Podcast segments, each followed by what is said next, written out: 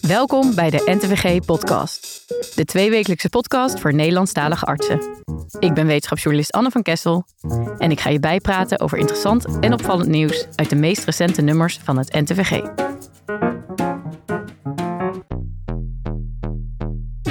In deze aflevering hoor je onder meer over waarom het de-implementeren van ingeburgerde medische handelingen vaak vele jaren duurt. Wat je dan zou hopen is dat niet-effectieve behandelingen, dat die dan op een gegeven moment eh, niet meer voorkomen in de praktijk. Duiken Tim Dekker en Ernst-Jan van het Woud weer een paar boeiende nieuwe papers op uit de medische literatuur. Yes, daar zijn we weer, dankjewel. En we gaan vandaag twee artikelen bespreken. Wel interessant. En horen we over een veel slimmere en effectievere manier om ADHD-medicatie aan kinderen te geven. Dat geeft de conclusie dat we de overbehandeling kunnen verminderen. In deze kerstverse nieuwe opzet van de podcast beginnen we meteen met het eerste interview van Job. Om de zorg betaalbaar te houden, zullen er ook handelingen die geen meerwaarde hebben moeten verdwijnen. Maar zo'n de-implementatie duurt vaak vele jaren. Onderzoekers van het VUMC en het Radboud UMC beschrijven de de-implementatie van behandelingen bij lage rugpijn en van het verwijderen van neus- en keelamandelen en benoemen daarbij de belangrijkste belemmeringen. Job sprak met de eerste auteur van het artikel, bewegingswetenschapper Pieter Koenen van het VUMC in Amsterdam. Ja, welkom Pieter. Dankjewel. We gaan het hebben over de-implementatie. We horen vaak dat het nog wel eens even duurt voordat iets wat nieuw is in Nederland helemaal ingeburgerd is geraakt in de, in de medische wereld. Maar omgekeerd is dus ook het geval dat als iets eigenlijk uh, op zijn retour zou moeten zijn, dat het heel lang kan duren voordat dat ook echt overal het geval is. We zien natuurlijk in de literatuur dat er uh, veel onderzoek wordt gedaan naar, uh, naar behandelingen. Sommige effectief, andere niet effectief. En soms zijpelt dat dan ook door in richtlijnen. En uh, nou ja, wat je dan zou hopen, inderdaad, is dat niet effectieve behandelingen, dat die dan op een gegeven moment uh, niet meer voorkomen in, in de praktijk. Ja. Uh, maar, maar dat zien we eigenlijk niet zo goed. En dat wilden we gaan onderzoeken. Dus wat we hebben gedaan is, we hebben data van Nederlandse ziekenhuizen hebben opgevraagd van de afgelopen 30 jaar. En we hebben vijf veel voorkomende behandelingen waarvan we weten dat ze niet effectief zijn. Dus van ze dus eigenlijk geïmplementeerd zouden moeten worden. Mm -hmm. uh, die, die hebben we bekeken. En welke zijn en, dat dan? Uh, ja, dat is bedrust voor, uh, voor aspecifieke lage rugpijn. Bedrust voor hernia. fusie, dat is een operatieve behandeling. dissectomie is ook een operatieve behandeling. En invasieve pijnbestrijding. En dat zijn dan uh, allerlei dingen die dus toch vrij standaard gedaan worden ook blijkbaar. De afgelopen 30 jaar hebben we bekeken. Dus dat begon uh, begin jaren 90. En toen waren ze inderdaad uh, veel voorkomend. En wat we hebben gezien dan is dat gedurende de tijd bewijs kwam en ook richtlijnen die zeiden van nou ja, beter zouden deze behandelingen niet toegepast meer moeten worden. En ja, wat we inderdaad hebben gezien is dat het toch uh, nog heel lang duurde voordat dat uh, echt uh, substantieel afnam, die behandelingen. En, en in sommige gevallen zelfs onvoldoende. De snelste was 17 jaar voordat echt de implementatie plaatsvindt. En, en bij sommigen vond het niet plaats. En wat is eigenlijk dan nu nog wel een gangbare behandeling om te doen? Of zijn ze vooral vervangen door niet te veel doen? Eigenlijk wel, ja. ja dus wat, uh, wat richtlijnen vooral zeggen, is dat behandelaars heel terughoudend zouden moeten zijn. Dus, ja, precies. Dus er kunnen aanleidingen zijn ja. om iets, of al dan niet een van deze vijf dingen, of ja. iets anders wel te doen. Ja, ja, inderdaad. Dat is wel goed om je te realiseren dat totale de-implementatie waarschijnlijk ook niet wenselijk is. Ja. Omdat in bepaalde indicaties uh, het inderdaad zo is dat juist wel die behandeling toegepast zou moeten worden. En hebben jullie nou ook onderzocht wat de belangrijkste factoren zijn die, die deze de-implementatie ja, remmen of tegenhouden? Wat we hebben gedaan is naar de literatuur gekeken. Uh, de implementatie en ook de implementatieliteratuur.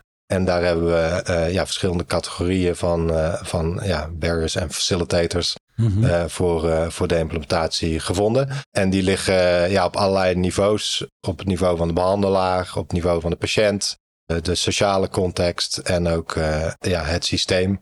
Ja, de patiënt wil graag, die heeft pijn, die wil graag behandeld worden. Ja. De behandelaar wil ook graag daaraan tegemoet komen. Ja. Voor allebei is het misschien niet het beste. Ja. Maar er zijn ook vast ook prikkels die dat dan ook weer in stand houden. Ja, dus vergoede zorg speelt een rol. Het zorgsysteem in Nederland is uh, in die 30 jaar die wij hebben bestudeerd wel flink uh, veranderd. Vooral in 2006, waar voor die tijd behandelaars vaak per behandeling uh, betaald werden. En is het niet meer zo dat hoe meer behandeling, hoe, hoe, meer geld het oplevert, kort gezegd. Dat speelt een belangrijke rol. Maar ook bijvoorbeeld de infrastructuren die je hebt in een ziekenhuis. dat een bepaalde arts doorverwijst naar een bepaalde andere arts. Dat dat iets is wat al jaren gaande is. En, en dat zijn van die dingen die lastig doorbroken worden. Ja, ik kan me ook voorstellen dat er ook een groep is die soort believers zijn in bepaalde technieken.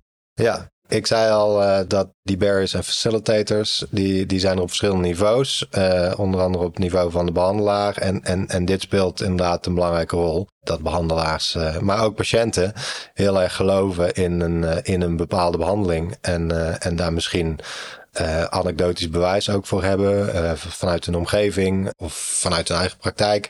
Waarom ze denken dat dat uh, effectief zou kunnen zijn. En vooral voor dat soort mensen, en dat, dat kunnen behandelaars, maar ook patiënten zijn, is het soms inderdaad moeilijk om, om dat dan te doorbreken en niet effectieve behandeling af te schalen. Ja. Maar daarvoor is het wel heel belangrijk dan dat er goede informatie komt. Vooral ook voor de behandelaar naar de patiënt toe. Dat de behandelaar de patiënt gewoon heel goed uh, informeert over het, uh, over het bewijs en de voor's en de tegens. Ja. Jullie hebben ook nog een andere casus bekeken, hè? En, uh, meer vanuit de literatuur.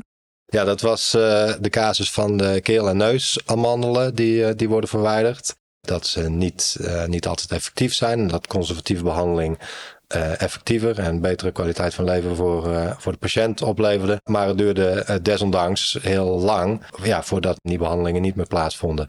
Overigens duurde het wel een stuk minder lang, of was de de-implementatie wel een stuk effectiever dan bij de rugpijnbehandeling die we, die we zelf bestudeerd hebben.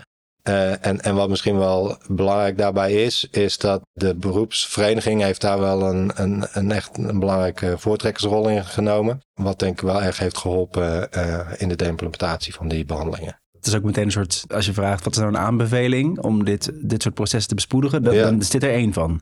Ja, want we zien uh, dat het SEC publiceren van een richtlijn, dat dat niet altijd voldoende is. Niet iedereen leest de richtlijnen, niet iedereen past ze goed toe. Het is daarom heel belangrijk dat die richtlijnen gepaard gaan met goede implementatiestrategieën. Dus implementatie van de richtlijnen. Implementatie van de implementatie. Ja, inderdaad. Ja, ja dus dat de, de behandelaars ook uh, educatie daarover krijgen. En, en dat je manieren krijgt om uh, te evalueren. Uh, dus dat je in kaart brengt van in hoeverre worden die richtlijnen nou toegepast, ja of nee. En misschien dus ook dat het in de kwaliteitscriteria van, van behandelaars voortkomt. Dat, ja, dat zijn allemaal stappen die je zou kunnen nemen om die de-implementatie effectiever te laten verlopen. Ja. En is er nog iets anders wat kan helpen richting die patiënt? Uh, om ook die duidelijker te maken van, van soms is het beter om, om iets niet te doen? Nou, ik denk dat daar dus vooral voor de behandelaar een heel belangrijke rol is weggelegd. Dus de behandelaar die, die weet als het goed is welke behandelingen effectief en, en niet effectief zijn.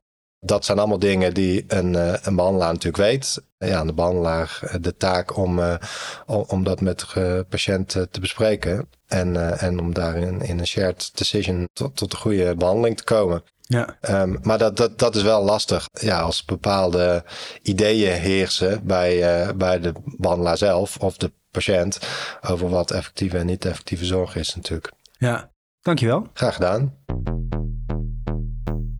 Dank Job en Pieter.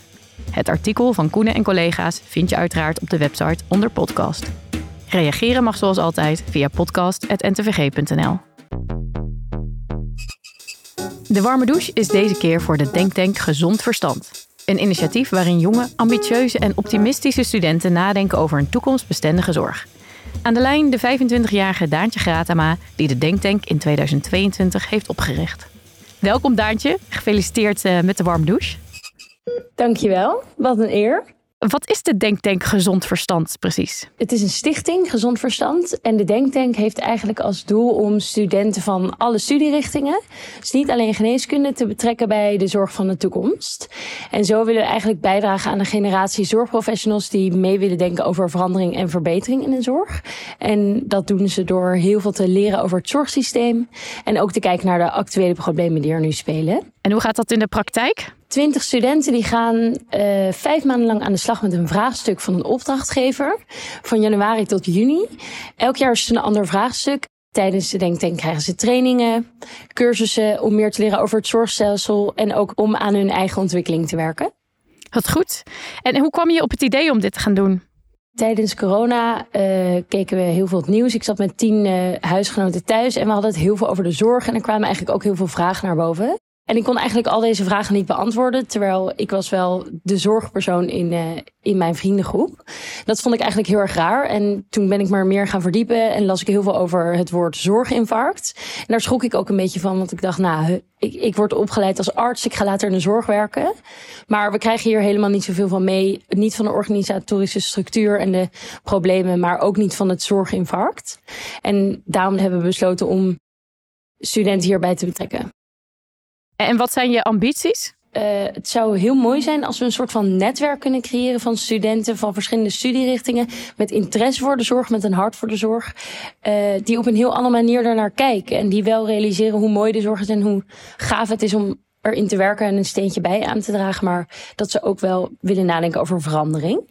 En we kunnen hopelijk dat netwerk dan straks gebruiken om jonge mensen op de juiste plekken aan tafel te krijgen. Bijvoorbeeld bij VWS of uh, bij ziekenhuizen. Dankjewel, Daantje. Dankjewel.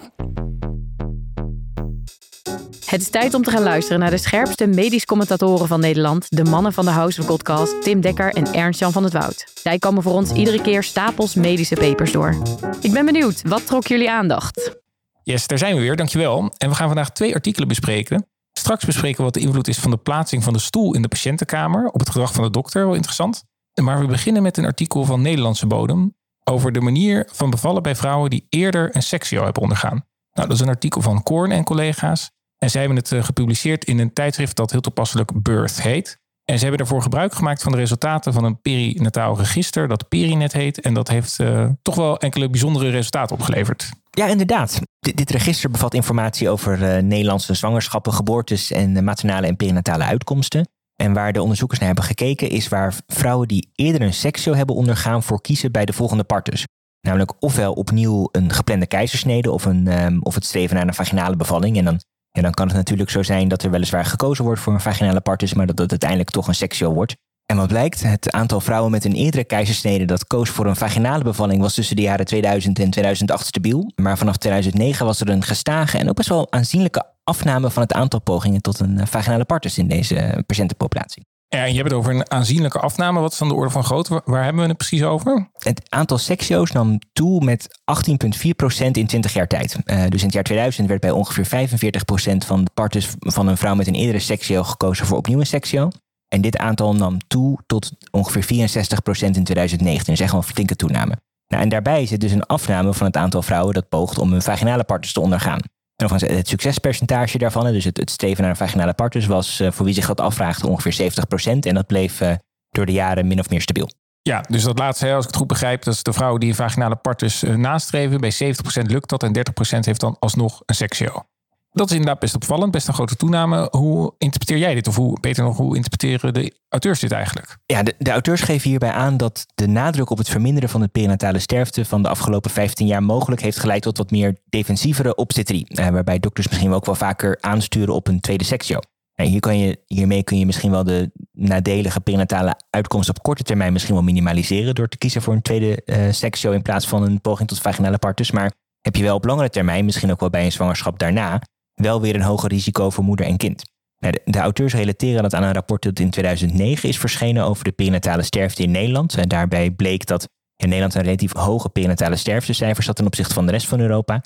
En denken dat dat misschien wel, en de acties die daar en waar dat toe geleid heeft, dat dat misschien wel de verklaring zou kunnen zijn hiervan. Ja. Ja, en dan is het denk ik wel belangrijk om, om die trend van minder vaginale partus uh, toch te relateren aan de uitkomst. Uh, heeft dit geholpen en, en is het eigenlijk terecht dat we meer seksio's zijn gaan doen in deze groep vrouwen. Ja, goed punt. En daar hebben de auteurs ook naar gekeken. En zij vonden over de tijd geen verbetering van de perinatale uitkomsten in beide groepen. Dus het, het absolute aantal nadelige perinatale uitkomsten was laag. Uh, maar het was iets hoger bij vrouwen die steeds naar een vaginale partus in vergelijking met de geplande seksio van 2000 tot 2019. Ja, de, de perinatale sterfgevallen deden zich voor bij ja, 0,05% van de vrouwen met een, een geplande tweede keizersnede. En 0,14% eh, van de vrouwen die na een eerdere seksio alsnog een vaginale partus eh, beoogden. Ja, dus op basis van deze cijfers zouden 1111 vrouwen een uh, geplande keizersnede moeten ondergaan in plaats van te streven naar een vaginale partus om één perinatale dood te voorkomen. Dus dat zijn wel ja, een hoge number needed to treat. Ja, dus al met al kunnen we dan denk ik wel zeggen dat het lijkt dat we in deze groep vrouwen die dus een eerdere seksio hebben ondergaan, meer seksio's zijn gaan doen bij de tweede zwangerschap. In plaats van dat die een, uh, toch nog een vaginale partus beogen. maar dat het eigenlijk niet heeft geleid tot ja, duidelijk aantoonbare verbeteringen. En dan rijst de vraag, is dat nou erg? Moeten we hier nog wat aan doen? Ja, goede vraag. De auteurs benoemen hierbij wel dat het, het streven naar een vaginale part dus wel kosteneffectiever is. En dat is natuurlijk iets waar we oog voor moeten hebben.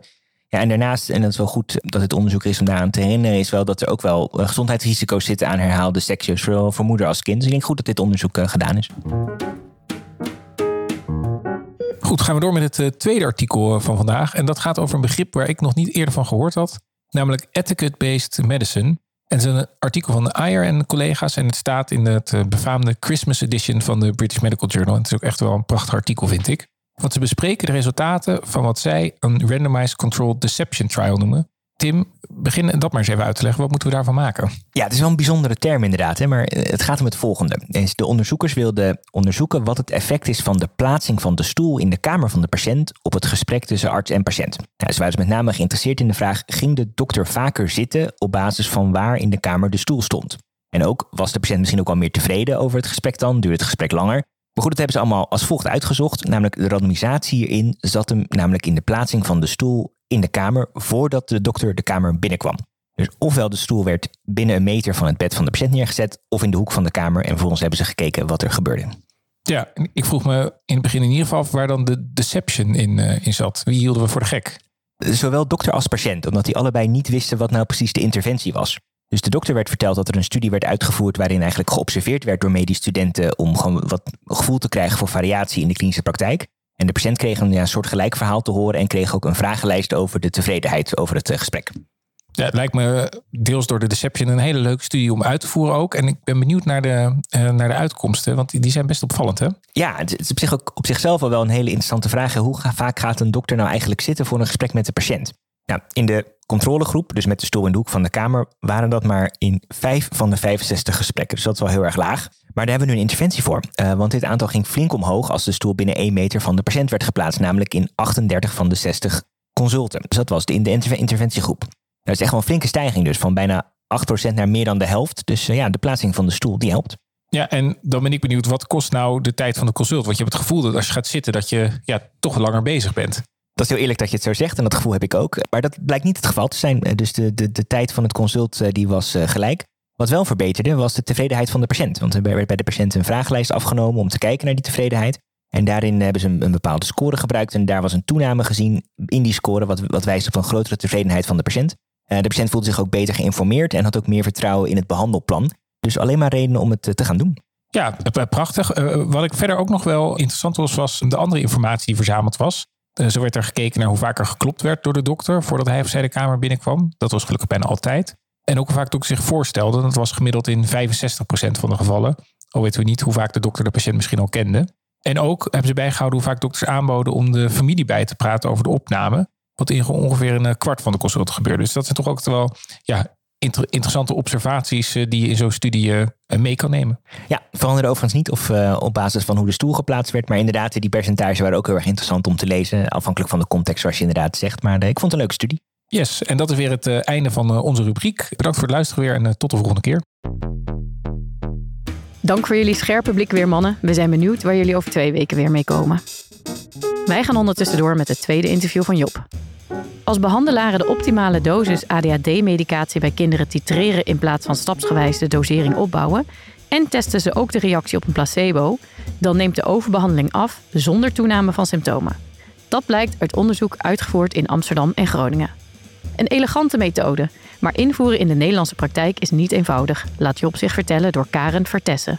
Zij promoveerde in november aan de VU in Amsterdam en is tegenwoordig kinder- en jeugdpsychiater aan de KU Leuven.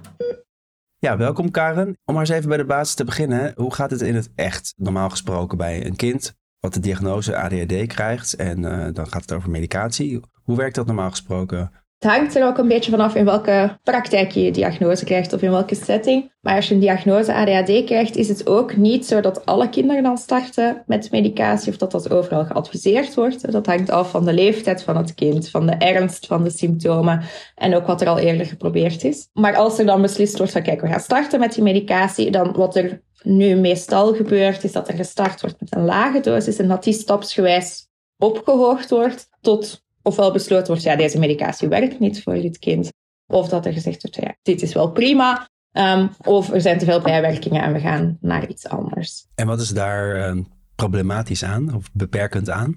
Op zich is die manier van doen, wanneer het op een goede manier gebeurt, is dat niet problematisch. Uh, maar wat we wel in de praktijk zien, is dat er echt een hoog aantal kinderen deze medicatie krijgt voorgeschreven en dat er veel te weinig wordt gekeken van werkt deze medicatie nu wel voor dit kind? En we weten uit heel wat wetenschappelijk onderzoek ja. dat methylfenidaat, het meest gebruikte geneesmiddel voor ADHD, dat dat werkt voor ongeveer 7 op de 10 kinderen met ADHD. En er zijn heel wat cijfers die aantonen dat eigenlijk bijna alle kinderen die starten, dat die ook verder gaan met die medicatie. Terwijl we dus weten dat het niet voor iedereen werkt en die kinderen dus wel worden blootgesteld aan de bijwerkingen en ook een goede behandeling ontzegd wordt. Er is natuurlijk ook nog een groep daarnaast nog waarbij het lijkt te werken en wat eigenlijk een placebo-effect is. Dus dan heb je inderdaad wel de bijwerkingen, wel een effect, maar dan had je het effect misschien ook gehad op een andere manier. Ja, klopt. En afhankelijk van het onderzoek is dat ongeveer 10%. Het is een heel interessante groep ook voor verder onderzoek, want we weten dat op korte termijn, eh, maar we weten niet zo goed wat dat op lange termijn doet. Wat als je nu placebo-reactie hebt, je hebt daar een goed effect op. Het zou nog heel interessant zijn om die groep wat langer op te volgen. Ja. Maar het kan dus uh, slimmer, more sophisticated zou je, zou je zeggen in, in het mhm. Engels. Uh, hoe zijn jullie dat in het onderzoek uh, gaan aanpakken om dat te verslimmen, zeg maar? Ja, nu, in het artikel bespreken we drie stukken. Ik zal me vooral even focussen op de start. Waarin we gaan kijken zijn van, kijk, als we die periode van het opstarten van die medicatie, als we dat op een andere manier gaan aanpakken. En die andere manier van aanpakken, die is ook in wetenschappelijk onderzoek al best vaak bekeken. Maar nog niemand had die vertaling naar de klinische praktijk gemaakt. Ja, werkt dit nu ook in de klinische praktijk? Um, en wat we gaan doen zijn, is elke dosis die voor een kind gepast zou kunnen zijn, gaan uittesten gedurende één week. We weten ook dat dat een prima termijn is om dat te testen. Die met elkaar gaan vergelijken en ook met een neppil. Dus gedurende één week kregen kinderen een neppil en de andere weken altijd een dosis die passend zou kunnen zijn voor hun. En we deden dat op een blinde manier, dus kinderen wisten zelf niet wat ze kregen, maar ook ouders en leerkrachten niet en ook de behandelaar op dat moment niet. En dan na vijf weken um, werd er een rapportje gemaakt waarin stond welke week welke dosis was. En mensen hadden tijdens die weken altijd op het einde van de week een rapportage ingevuld. Zowel ouders als de leerkrachten. Hoe gaat het nu op gebied van ADHD-symptomen, maar ook op gebied van bijwerkingen? Um, en dan kwam er een advies waarin stond ja, welke dosis op welke manier werkte. Um, ja, en dan konden behandelaren, ouders en kinderen samen een beslissing gaan nemen van gaan we hiermee verder, werkt dit en wat is dan de beste dosering. En wat is hier met name de, de meerwaarde van die leerkrachten? Want die hebben een andere blik hè, dan de ouders. Ja, klopt. Meerdere van de onderzoeken die we omschrijven, dus niet enkel uit, deze MOVA-studie, um, zagen we dat die leerkrachten vaak anders keken naar de kinderen. Wat we voornamelijk zagen, was dat ze minder verbetering bij placebo lieten zien. Uh, ouders gingen best grote verbetering rapporteren terwijl het kind een neppil kreeg. Um, leerkrachten deden dat minder, uh, maar ook die settings zijn heel anders. Heel vaak is de reden om te starten met medicatie van, ja, voornamelijk op school loopt het moeilijk. En dan gaan we onze medicatie instellen op wat ouders rapporteren. Um, en we weten ook als we dat niet formaliseren, daar niet een groot punt van maken van kijk, we hebben die mening van die leerkracht nodig, ja, dat we ze dan vaak ook niet krijgen dit onderzoek toont toch nogmaals aan dat het heel belangrijk is om ook die leerkrachten mee te nemen. Wat viel nog meer op bij de resultaten? Ja, wat vooral opviel was dat um, we zijn ze ook wat langer gaan opvolgen, die kinderen. Dus we zijn uh, vlak na het instellen van die medicatie en dan nog een keer zes maanden later gaan kijken. Uh, we zagen dat de groep, want we hebben twee groepen vergeleken, onze placebo-gecontroleerde manier van instellen. Dus de kinderen die op die manier ingesteld zijn en kinderen die op de reguliere manier ingesteld zijn, waarbij behandelaren mochten doen wat ze anders deden. Uh, we zagen eigenlijk dat kinderen die op de reguliere manier werden ingesteld, dat die bijna allemaal doorgingen met het gebruik van medicatie in het begin. Uh, en dat in die placebo gecontroleerde groep we eigenlijk de verwachte cijfers zagen van het aantal kinderen dat wel een goede respons had, kinderen dat geen goede respons had. Uh, en er dus ook minder kinderen medicatie verder gingen gebruiken, zowel vlak na het instellen als ook na zes maanden.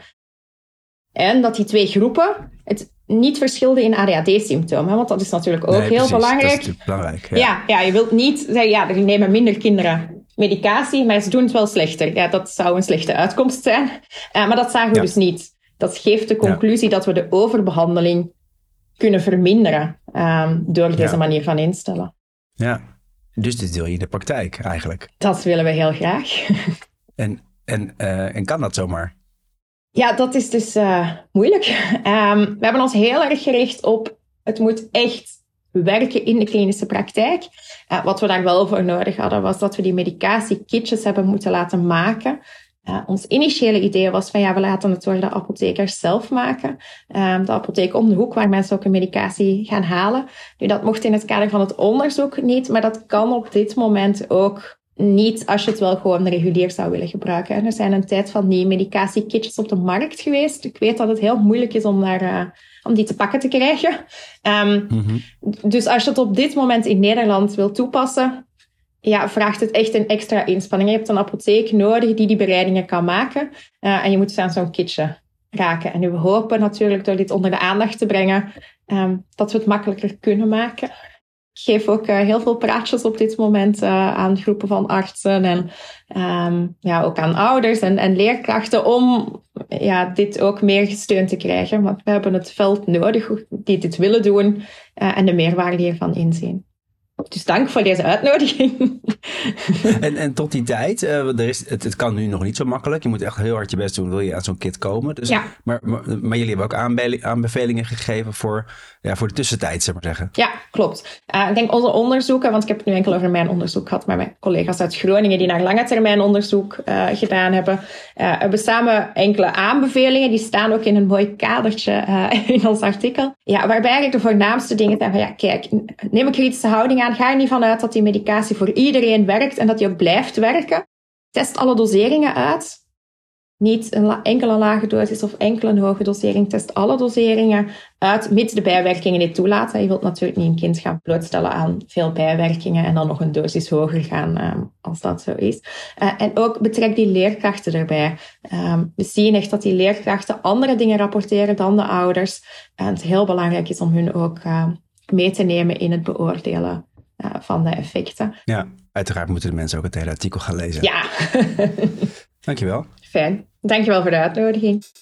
Dankjewel Job en Karen. Het artikel van Vertessen en Co. is te vinden op ntvg.nl onder podcast. Reageren mag zoals altijd via podcast.ntvg.nl.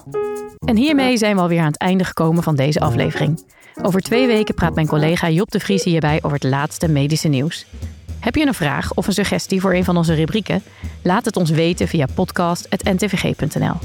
Waardeer je onze podcast? Stuur ons dan door naar die ene collega waarvan je zeker weet dat hij of zij ons ook kan waarderen. En laat vooral een review achter door een aantal sterren te geven. Zo help je ons om niet alleen de beste, maar ook de best beluisterde medische podcast van Nederland te worden.